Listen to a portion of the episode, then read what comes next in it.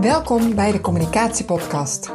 Mijn naam is Karine van den Noord en in deze serie interview ik zes experts over de toekomst van de communicatie.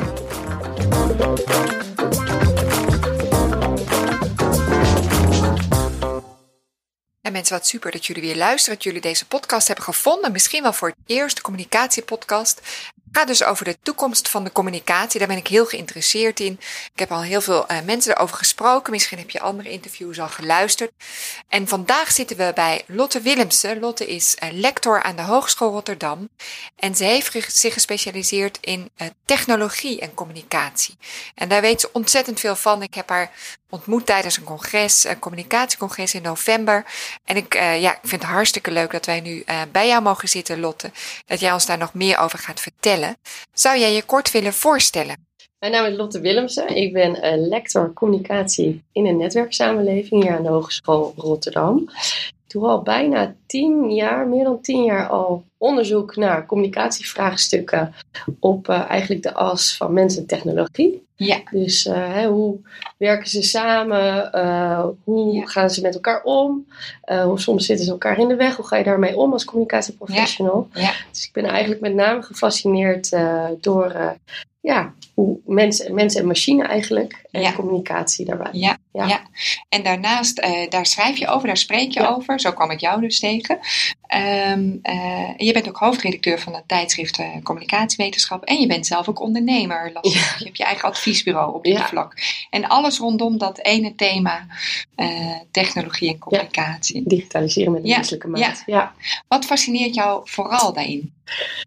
Ehm, wat fascineert mij vooral erin? Nou ja, dan moeten we eigenlijk een beetje terug naar ehm, mijn, eh, mijn dagen als jong meisje, denk ik. Want ik was eigenlijk helemaal niet van plan om lector eh, te worden. Ik wist niet eens wat het Wist je- was. De meeste mensen weten niet wat het is. grappig. Eh, dat is namelijk iemand die onderzoek doet naar vragen uit de praktijk. Ja. Met als doel om de kennis die je opdoet terug te brengen naar de praktijk en het onderwijs. ja. En ehm, ik wilde balletdanseres worden. Oh, Ja, en eh, ik was heel erg eh, gemotiveerd en gepassioneerd. Ja. Want ik vond het zo, ja, ik denk dat ik, als ik er nu op terugkijk, dat ik het ja, zo, zo mooi vond om expressie te geven aan wat je voelt en Ja. ervaart met, Ja. eh, met de bewegingen die je maakt. mooi. Het is een hele creatieve ja, Ja, zeker. uitingsvorm natuurlijk. Ja, En eh, nou ja, ik werkte er heel erg hard aan en ik trainde heel veel. En ik werd toegelaten tot het Koninklijk Conservatorium in Den Haag op jonge leeftijd. En ehm, hoe ja, oud was je toen? ik was toen tien. Ja, Oh, dat heel was- jong. Heel jong, ja. Ja, je moet, En toen al zo'n drive, zo'n doel. ja ik, ik, ik wilde niets liever dan dansen. En het leek mij fantastisch om dat eh, ja, later als ik dan groot was Ja. te bereiken. Nou, toen kwam ik op de balletacademie en toen werden we eigenlijk gedrild. Ja, Uh, We Ja. moesten alles perfect doen, in lange rijen, in perfecte lijnen dansen, precies op de maat, gelijktijdig. Ja. En ehm, ik dacht, ik had een beetje zo'n beeld van, ja, dan ga ik ehm, ja, expressie geven aan wat je voelt en ervaart. En wat eigenlijk een hele menselijke eh, eigenschap is. ja, En eh, in plaats daarvan werd ik een robot. ja. Oh, Dus ik denk dat ergens daar de daar fascinatie van wat begonnen. menselijk is en wat niet menselijk is, is begonnen. En eh, ja, het is En dat hele... voelde je toen al. Nou, niet toen, maar nu ik erop terugdenk, want ik, ik ben de laatste tijd denk ik wel eens, nou ja, hoe, hoe ben Hoe ik ben ik hier eigenlijk nou beland? En waar komt die fascinatie vandaan? Ja. En, ehm, want ja, balletdansen en, en, en waar ik nu mee bezig ben, dat Ja. lijken twee uitersten. Ja, Eh, en dat zijn het enerzijds ook wel, maar tegelijkertijd ook niet. Want het Nee. wordt wel, er is een bepaalde fascinatie die eraan ten grondslag Ja. ligt. maar en je beschrijft dus eigenlijk die fascinatie voor uiting geven aan je gevoel en je menselijkheid misschien wel, hè? Ja. Ehm, dat bracht je bij ballet, daar vond je het niet. En nu ben je lector op een hogeschool en daar vind je het wel. Nou, ik doe daar vooral onderzoek naar. Ja. Hè? Dus Ja, wat, wat ons menselijk maakt. Ja. Ja. En de rol eh, van communicatie daarbij. Ja. Wat heb je ontdekt? Wat heb ik ontdekt? Dat, we, dat het heel belangrijk is om de juiste vragen te stellen. Dus in ons communicatievak wordt vaak de vraag gesteld of technologie een bedreiging is voor de human touch. Of Ja. misschien zelfs human touchpoints. Die vraag wordt vaak opgevolgd door een Ja. andere vraag van worden wij vervangen door robots? Ja. En ik denk dat we andere vragen moeten stellen. Dus niet ehm, worden wij bedreigd door technologie, maar wat betekent nou echt om menselijk te zijn? En hoe kan je met die inzichten samenwerken met technologie op een manier die bij de ander ook als een op een menselijke manier overkomt Ja. of wordt ervaren. Ja. Ja. Ik denk dat die vraag, eh, worden we vervangen door robots, ook ingegeven is door angst. Hè? Ja. Die ik ook bij mezelf Ja. herken. Ja. Eh, misschien ben ik daarom wel deze zoektocht. Want wij hadden even een heel leuk voorgesprekje over van, goh, hoe kom je nou bij de communicatiepodcast? Dat is ook geboren vanuit interesse en zoeken naar, hey, wat is de toegevoegde waarde nu en in de toekomst Ja. van het communicatievak? En misschien zat daar ook wel onder van, ja, ja, maar waar gaat het naartoe met, Ja. eh, met Het is communicatie? ook heel menselijk om weerstand te voelen voor alles wat eh, om verandering vraagt. Ja. Ehm, wat ik wel altijd heel interessant vind, is dat we heel veel communicatieprofessionals die werken met weerstand. Ja. Als in weerstand om een dialoog aan te gaan, om het gesprek Ja. te openen, weerstand om ehm, tegen een tegen ja, ehm, mensen die proberen om jouw gedrag op een positieve manier te beïnvloeden, zoals stoppen met roken.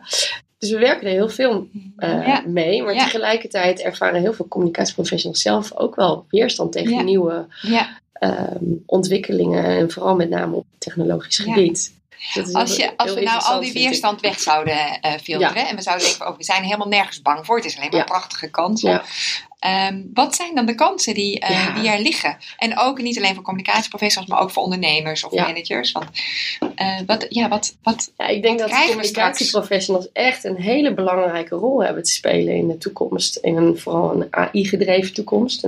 Een toekomst waarbij allerlei soorten van eh, nou ja, robots, eh, slimme apparatuur, AI-gedreven agents. Dus eh, zelfstandig kunnen communiceren met ons of namens ons. ja, En de reden is eigenlijk dat AI bijvoorbeeld, dat wordt vaak ontworpen door mensen en voor mensen. ja, ze worden vaak ook zo vormgegeven dat het lijkt alsof je met een mens communiceert. Hè. Denk aan Siri Ja. bijvoorbeeld. Of, een, met die grapjes en die liedjes. of chatbots. Ja, ja. Dus ja, ik denk dat wij juist communicatieprofessionals nodig hebben om ervoor te zorgen dat die ja, conversational interfaces bijvoorbeeld behulpzaam zijn, ehm, aansprekend, eh, met de juiste tone of voice, Ja. eh, overtuigend, dat het resoneert op menselijk niveau. ja. Ehm, Dus je zegt eigenlijk je kansen inzetten om je doelen te halen. Als je het hebt over een nieuw communicatiebeleid, misschien wel voor je bedrijf of voor je organisatie, je wilt een bepaald doel halen, dan is het juist mooi om die eh, nieuwe technologie daarvoor in te zetten. En dat gaat je juist veel opleveren. Nou, ik denk zelfs misschien net iets genuanceerd. Het gaat er komen. Eh, Ja. Zelfs als wij communicatieprofessionals niet a- Nee. aanhaken. eh, er zijn steeds meer organisaties die bijvoorbeeld conversational interfaces gebruiken. Ja. Eh, wat ik denk is dat we vroeg moeten aanhaken als communicatieprofessionals. Om Ja. juist ervoor zorgen dat het een, op een menselijke manier wordt vormgegeven. Daar ligt heel erg onze kracht. Hè? Ja. Eh, interpersoonlijke communicatie, denken met Ja, vanuit het perspectief van een ander, empathie, maar ook eh, andere skills zoals gespreksvaardigheden, eh, redactievaardigheden. Dat komt allemaal kijken bij het vormgeven van zo'n interface. Ja. En ja, vaak wordt het ook ontworpen vanuit een technologische hoek, hè, met jongens en meisjes die eh, heel veel van eh, technologie afweten, data scientists. Maar we hebben ook die communicatieprofessionals nodig. die dat erin brengen. Ja, die- het zijn apparaten die op een menselijke manier pogen te communiceren. Dus als wij dan niet communicatieprofessionals aan tafel Dan krijg je hebben, pas echt robots. Ja, dat denk ik wel, ja. ja.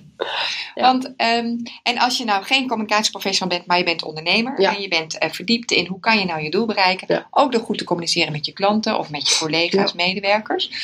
Ehm, wat moet je dan weten van deze ontwikkelingen? Ja, dat het is een... eh, ja, wat moet je daar, daarvan weten? Ja, ik denk... ehm, ik zou het me- eer- eerder willen gooien op een skill in plaats van een, een kennis. Oh ja, eh, oké, vaardigheid. vaardigheid. En dat is, ik denk dat heel veel ondernemers, maar ook communicatieprofessionals, ehm, zelf dis- disruptive moeten zijn. Dus hè, de disruption wordt vaak gebruikt dat, dat je als bedrijf jezelf opnieuw moet uitvinden. Ja. Maar ik denk dat dat ook geldt op een persoonlijk niveau. Dus ons vakgebied ont, ja, qua ontwikkeling, dat gaat zo hard. Ja. Dat we eigenlijk moeten leren om bewijs van alles los te laten en allerlei zaken opnieuw te Ontdekken. ontdekken, leren, eh, exploreren, experimenteren. Ja. Ehm, en soms eh, komen we toch weer op dat weerstand, houden we ons heel erg vast Aan bepaalde patronen Ja, misschien ook. ja. En ondernemers hebben dan natuurlijk, denk ik, ook wel vanuit een bepaald ondernemerschap Ja. eh, kansen signaleren en Ja. begrijpen. Ja. Uh, maar grijp ze ook vast op technologisch vlak. En waar zou je dan moeten beginnen? Waar moet je je gaan verdiepen? Om toch ook die skills. Ik snap de skill van ontvankelijk zijn. En, en eventjes vanaf een afstandje misschien wel naar je bedrijf kijken. En denken van hé, hey, hoe doen we het nu en wat kan er beter? Maar je zult ook je ergens in moeten gaan verdiepen of moeten inlezen. Of... Nou, ik denk het besef dat je niet alles zelf hoeft te leren. Dat er heel veel anderen zijn die precies weten wat jij nodig hebt. En met je kunnen samenwerken. Of bijvoorbeeld dat er allerlei tools zijn waarbij je op een hele ja, wat agile manier dingen kan toepassen. Zo zijn er allerlei tools om uh, zelf conversational interfaces te bouwen. En daarvoor hoef je geen data scientist te zijn. Nee. Ehm, dus er zijn ook eh, ja, op het internet heel veel mooie tools aanwezig. Zoiets simpels als, nou ja, we zijn nu een podcast aan het opnemen, maar ehm, soms uh, gebeurt het ook vaak dat je mensen interviewt, omdat je bijvoorbeeld iets wil weten over een user experience. Er zijn allerlei tools online dat je die speech-to-text transformatie kan maken. Dus dat je niet alles hoeft uit te typen, maar dat het automatisch in tekst wordt omgezet. Zodat je daar vervolgens analyse op kan doen en inzicht uit kan halen. Ja. Nou, dat is een, bijvoorbeeld zo'n tooltje. Ja.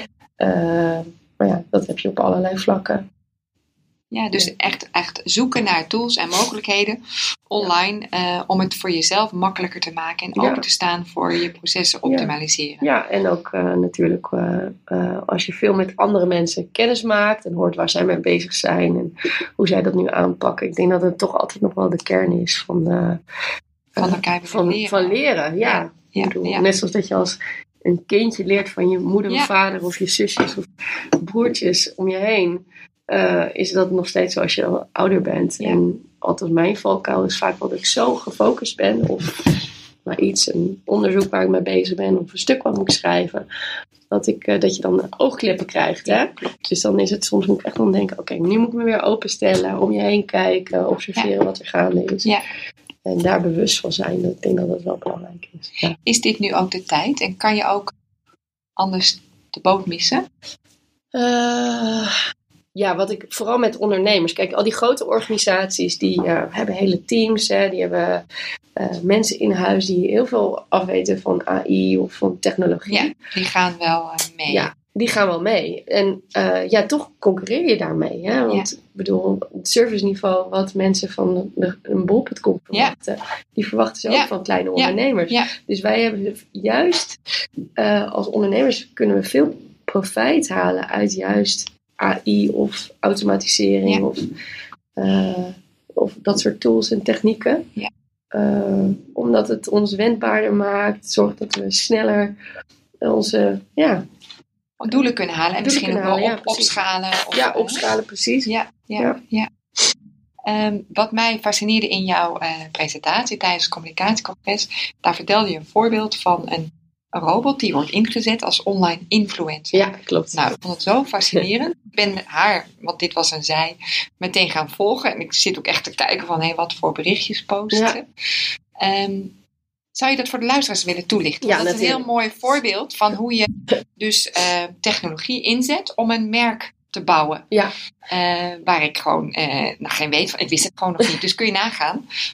Ja. Oogkleppen. Denk dat, nee, weet ik niet hoor. Want ik denk nog niet dat Lil Michaela, zo heet ze, ja. Oh, ja. heel erg bekend is. Maar Lil Michaela is een influencer. En die heeft echt een, nou, verschrikkelijk veel volgers. En ze bestaat niet uit vlees en bloed. Maar uit bits en bytes. Ja. Ze is... Um, haar content wordt, uh, is gebaseerd op data. Dus op data van allerlei andere invloedrijke influencers. Ja. En uh, dus het is, ze wordt door de computer gegenereerd. Ja.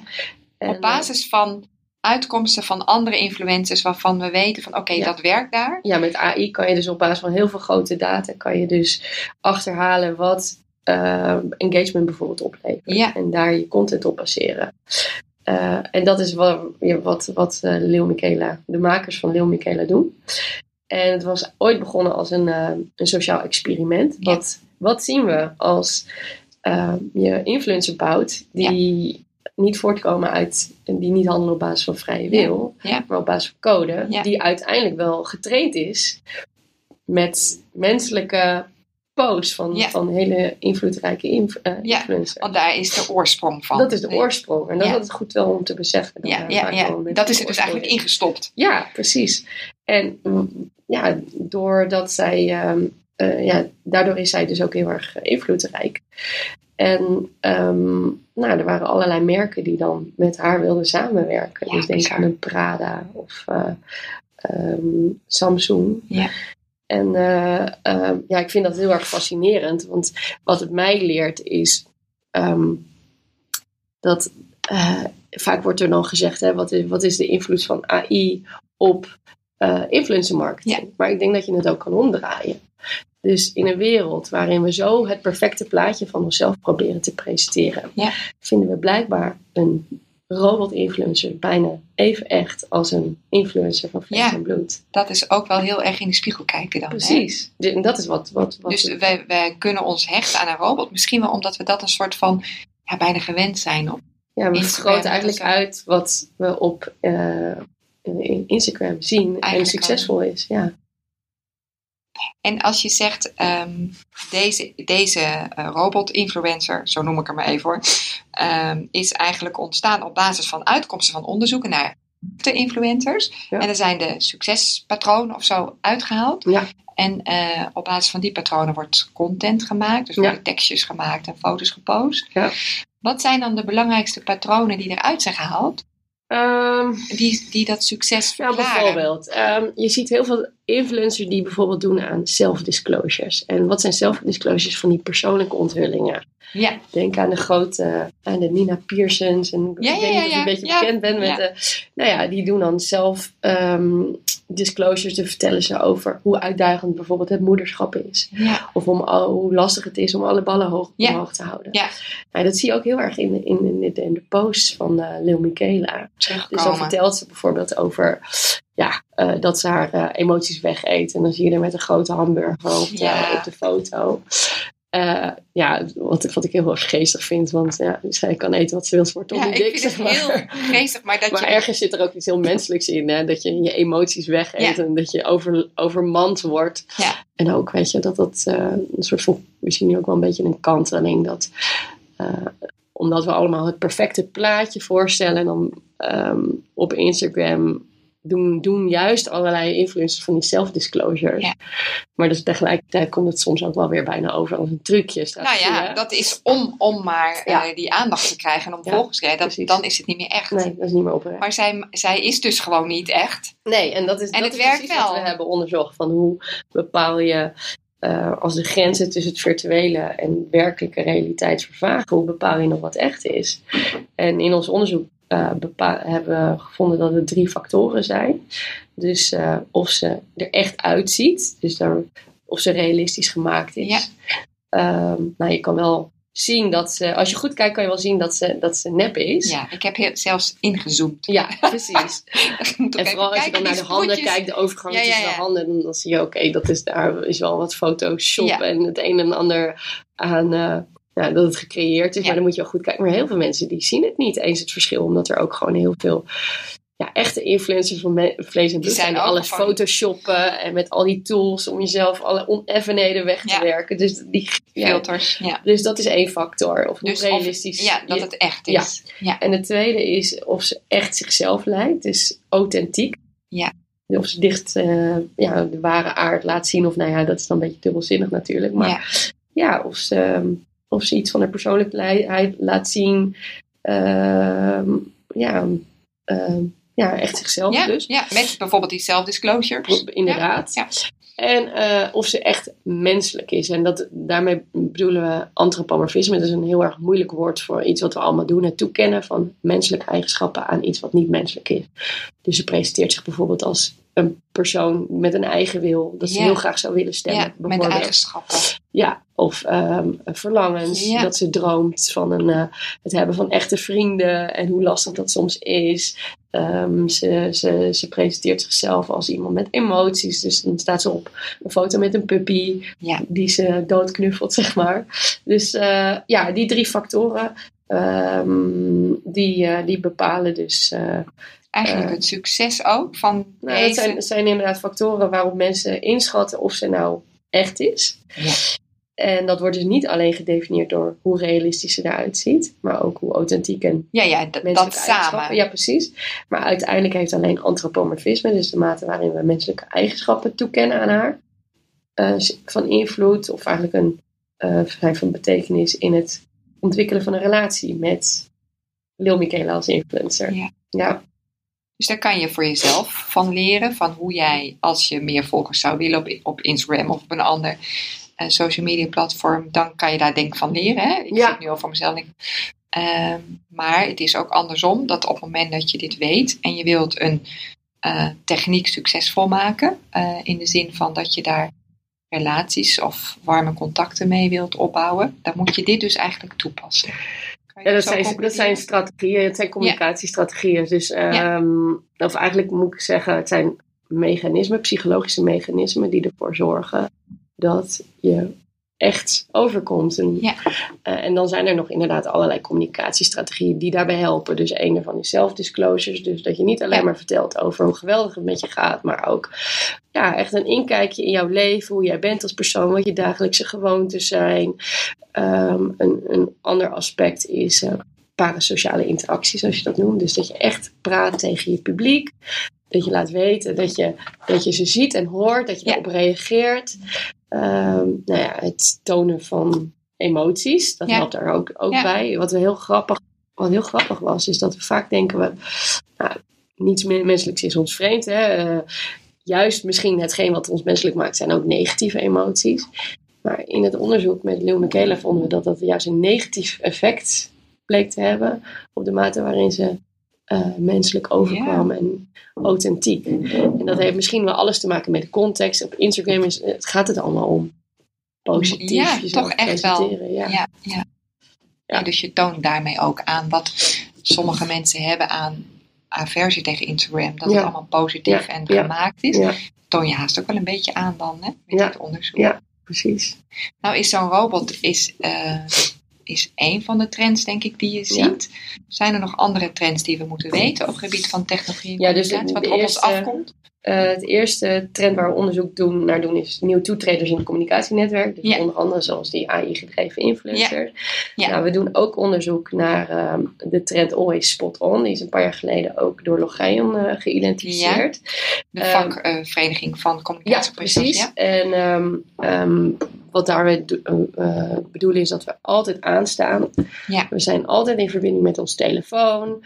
Er moet, ook als communicatieprofessional moeten we 24-7 paraat staan met relevante content, lijkt Ja. wel. We posten enorm veel. Ja. Daar krijgen we niet altijd eh, heel veel engagement op. Nee, Dus hoe zorg je ervoor dat je ja, mensen weet, echt op- weet te verbinden en boeien en bereiken met de content die je plaatst?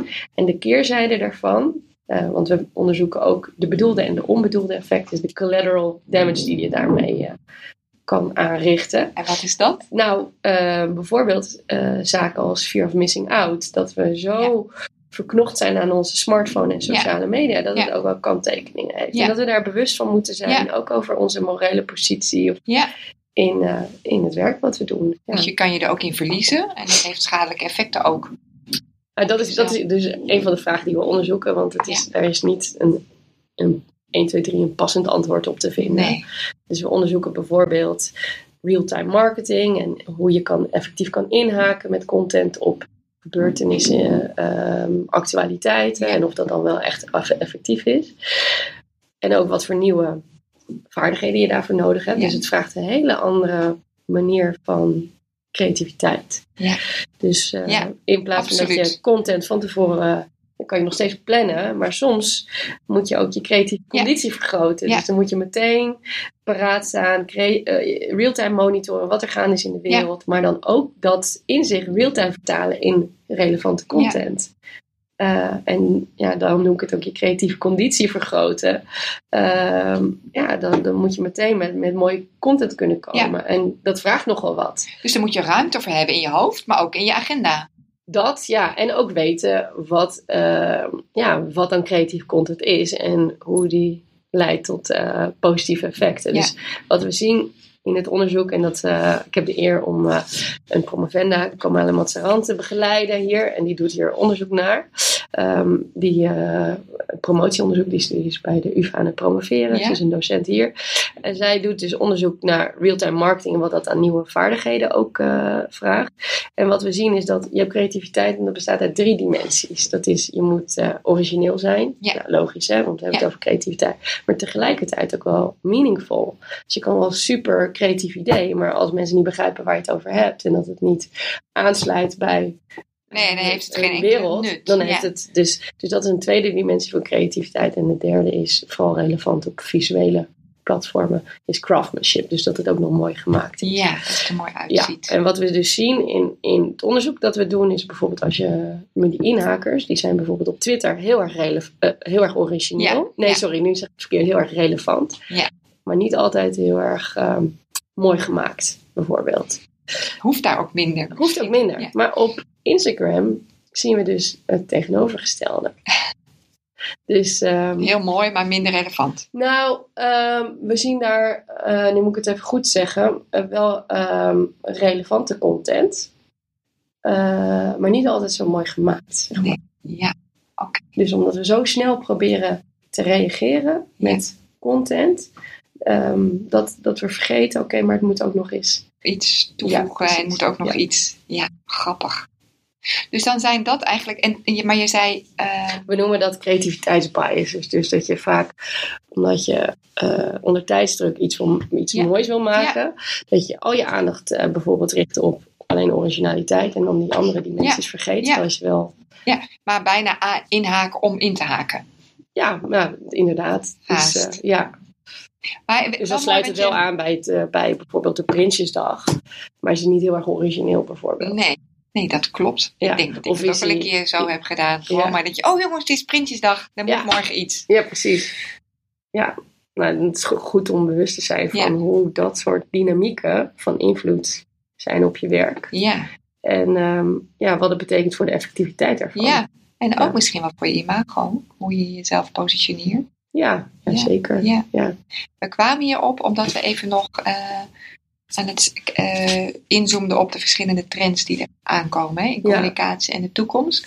En je zei dus, er komen dus nieuwe personen, uh, kunstmatige personen in de communicatie bij. Dat zijn, ik noem ze toch maar even robots. Hè.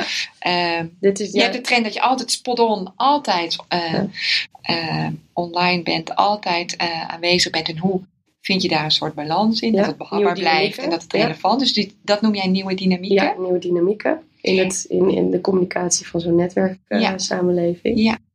En uh, is er nog een trend? Nou ja, er zijn veel vast meer uh, trends zijn, maar wij doen onderzoek naar drie. Ja. En dus dat is de derde daarvan is nieuwe structuren. Dus dat gaat heel erg in op het idee dat wij op, ons op een andere manier verbinden. Dat we steeds minder samen met andere mensen. Dat we in onze eigen ja. bubbel zitten. Ja. Daar wil ik wel een kritische kanttekening bij plaatsen. Want ja, wetenschappelijk onderzoek laat zien hier in Nederland dat dat op zich nog wel meevalt. Um, we lezen vaak ook nog wel uh, de krant naast dat we bijvoorbeeld content op Facebook uh, lezen. maar het is wel een belangrijke ontwikkeling om in de gaten te houden. Ja. En ook om door te vertalen in mediawijsheid. Dus bewustzijn, wat doet een algoritme dat die content ja. selecteert? Uh, wat betekent dat voor de mate waarin ik geïnformeerd word? Ja. Wat betekent dat voor mijn kansen om andere mensen te informeren? Ja. Um, hoe kritisch moet ik dan zijn tegen hetgene waar ik, uh, uh, ja, wat ik aan content zie? Ja. Um, ja, en dan ook vooral met name de vraag van hoe kunnen we nog verbinden met de ander? Uh, hier Wetende dat er allerlei uh, groepen mensen zijn die samenkomen, anderen die daar weer tegenover staan, de kloven daartussen. Uh, dus hoe kan je die kloof beslechten tussen ja, organisaties tussen de mensen bubbels. en mensen onderling? Ja. ja. Ja, en bijvoorbeeld, we doen daar bijvoorbeeld, dat is dan wel weer over een technologische as, maar wij werken hier met telepresence robots. Ja. dus dat zijn hele kleine robots. En um, um, die op afstand bestuurbaar zijn. En wij onderzoeken bijvoorbeeld of we daarmee inclusief onderwijs kunnen um, bevorderen. Uh, nou, bijvoorbeeld als een student langdurig uitvalt ja. door ziekte ja. of een zwangerschap ja. of iets dergelijks, dan val je al heel snel uit het onderwijs. Ja. En we testen nu of je die robot zou kunnen inzetten. Die, neemt, die robot is heel klein, dus die kunnen mensen dan meenemen naar een klas. En dan de student logt op de telefoon in op de robot. En daarmee kan je vragen stellen aan een docent of samenwerken met je medestudent. Ja. Dus om zo ervoor te zorgen dat je dus niet uitvalt uit je community. Ja. Uh, inclusiviteit dus. Maar wel, dat is dus één uh, onderzoeksproject, maar we doen ook onderzoek naar storytelling bijvoorbeeld. Van hoe je dan echt tot een verbinding kan komen en waarde kan overdragen. Ja. Uh, dus we doen heel veel en heel wow, divers. Ja. Maar ik doe het natuurlijk ook niet in mijn eentje, hè, want ik doe dat met een hele, ja, met een onderzoeksgroep van hele bevlogen communicatiedocenten. Um, die de ambitie hebben om toekomstige generatie communicatieprofessionals op te leiden. Ja. zijn allemaal zelf ook allemaal experts. En wat we doen is samenwerken om de vragen die ons intrinsiek motiveren, om die um, ja, beantwoord te zien krijgen. Ja, prachtig. Nou, als ik zo met jou uh, praat, dan denk ik alleen maar uh, wat ontzettend uh, goed om je ogen en oren open te houden voor alle ontwikkelingen die er zijn.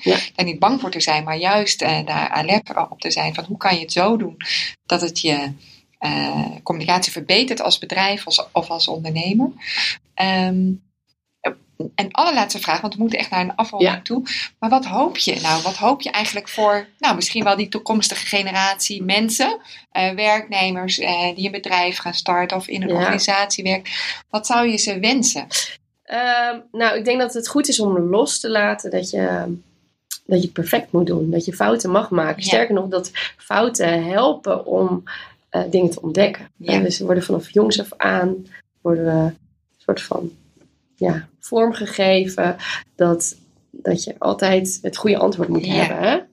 En ik denk juist dat je door te observeren, te zien wat werkt, wat niet werkt, uh, dat je daar juist heel veel, heel veel van leert. Want misschien is dat ook wel wat ons weerhoudt om uh, nieuwe technologieën te omarmen. We weten niet, snap ik het dan wel?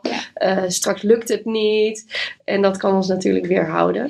En het tweede punt is ook um, ja, een onderzoekende houding. Hè? Dat heeft daar ook alles mee te maken. Dus weer plezier krijgen in um, ja, hoe, hoe dingen werken om je heen. Ja, precies, experimenteren. Um, net zoals een kleine Albert Einstein zijn. Dus en die zwaartekracht is, zijn theorie is natuurlijk ontstaan doordat hij zag, observeerde dat ja. zaken, als je iets laat vallen, dat het altijd op de grond valt. Ja. En door ons te open te stellen, wat zien we nou om ons heen gebeuren? Waarom zou dat zo zijn? Uh, de juiste vragen stellen, ja. En dan kom je erachter en dan kan je het ook toepassen. Precies. Heel inspirerend, ja, dankjewel. dankjewel. Ik weet dat jij uh, boeken schrijft, dat er binnenkort een boek van jou uitkomt. Um, kan je daar kort vertellen, hoe komen mensen aan dat boek? Want stel nou, je bent hierdoor geïnspireerd en je wilt daar meer over verdiepen. Dan zouden we jou bijvoorbeeld kunnen volgen op LinkedIn, daarmee. Ja. Maar ook een van jouw publicaties lezen. Ja, dus ik, uh, dit jaar komt er uh, een boek uit uh, over het merk als mens. Het gaat heel erg in hoe je als merk meer je menselijke kant kan zien in ja. de tijden van digitalisering.